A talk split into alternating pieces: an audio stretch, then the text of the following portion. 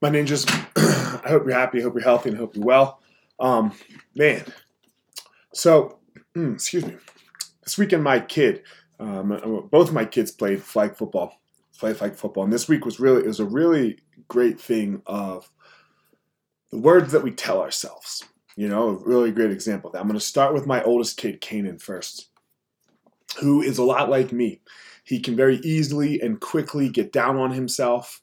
He can very easily um, let what has already happened affect what the future will hold.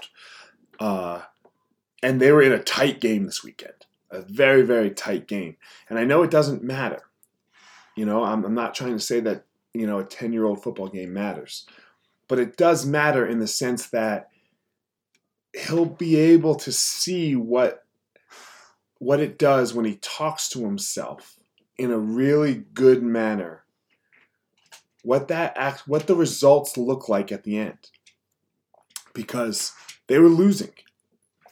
And his whole life or, or as long almost as long as he can remember i've been telling him he's the man. Dude you're the man and he liked sports, so that's where it tended to lead towards. You're the man. Let's make this happen. You're gonna make. You're a baller. Like when we drive to the games, we listen to "Want to Be a Baller." We listen to how great I am or you are, or you know, like positive shit, so that his mindset is ready for the game and ready to do his thing.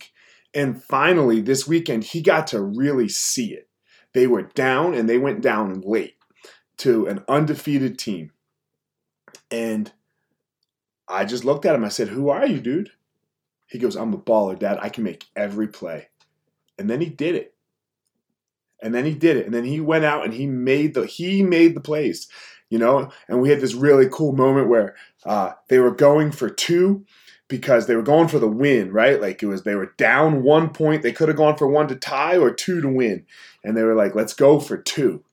And then he, like, I'm standing over there on the sideline and he catches the ball for the two point conversion right in front of me. And he drops the ball and he flexes on me. He's like, yeah. And I was screaming back at him. It was really cool. I wish I had it on video, you know? And then I just asked him, I was like, who are you? He's like, I'm a baller.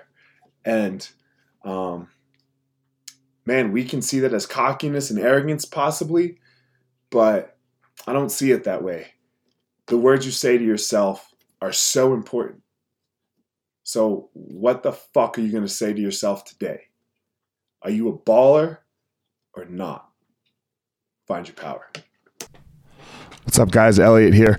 Um, before we get started, I have started a Patreon account. Patreon is a place where you can go to help support the podcast. Uh, I would greatly appreciate it if you are finding it useful. I have one tier right now um, for the first 50 people. You will get all of the short hitters, all of the little inspirationals on Tuesday, Wednesday, Thursday. They're going to move behind the Patreon, so you, you'll have to subscribe to get them and then also a monthly Ask Me Anything and a recipe and a jujitsu technique uh, will all come directly to you. And that's it. So patreon.com backslash Elliot Marshall. And thank you all for your help.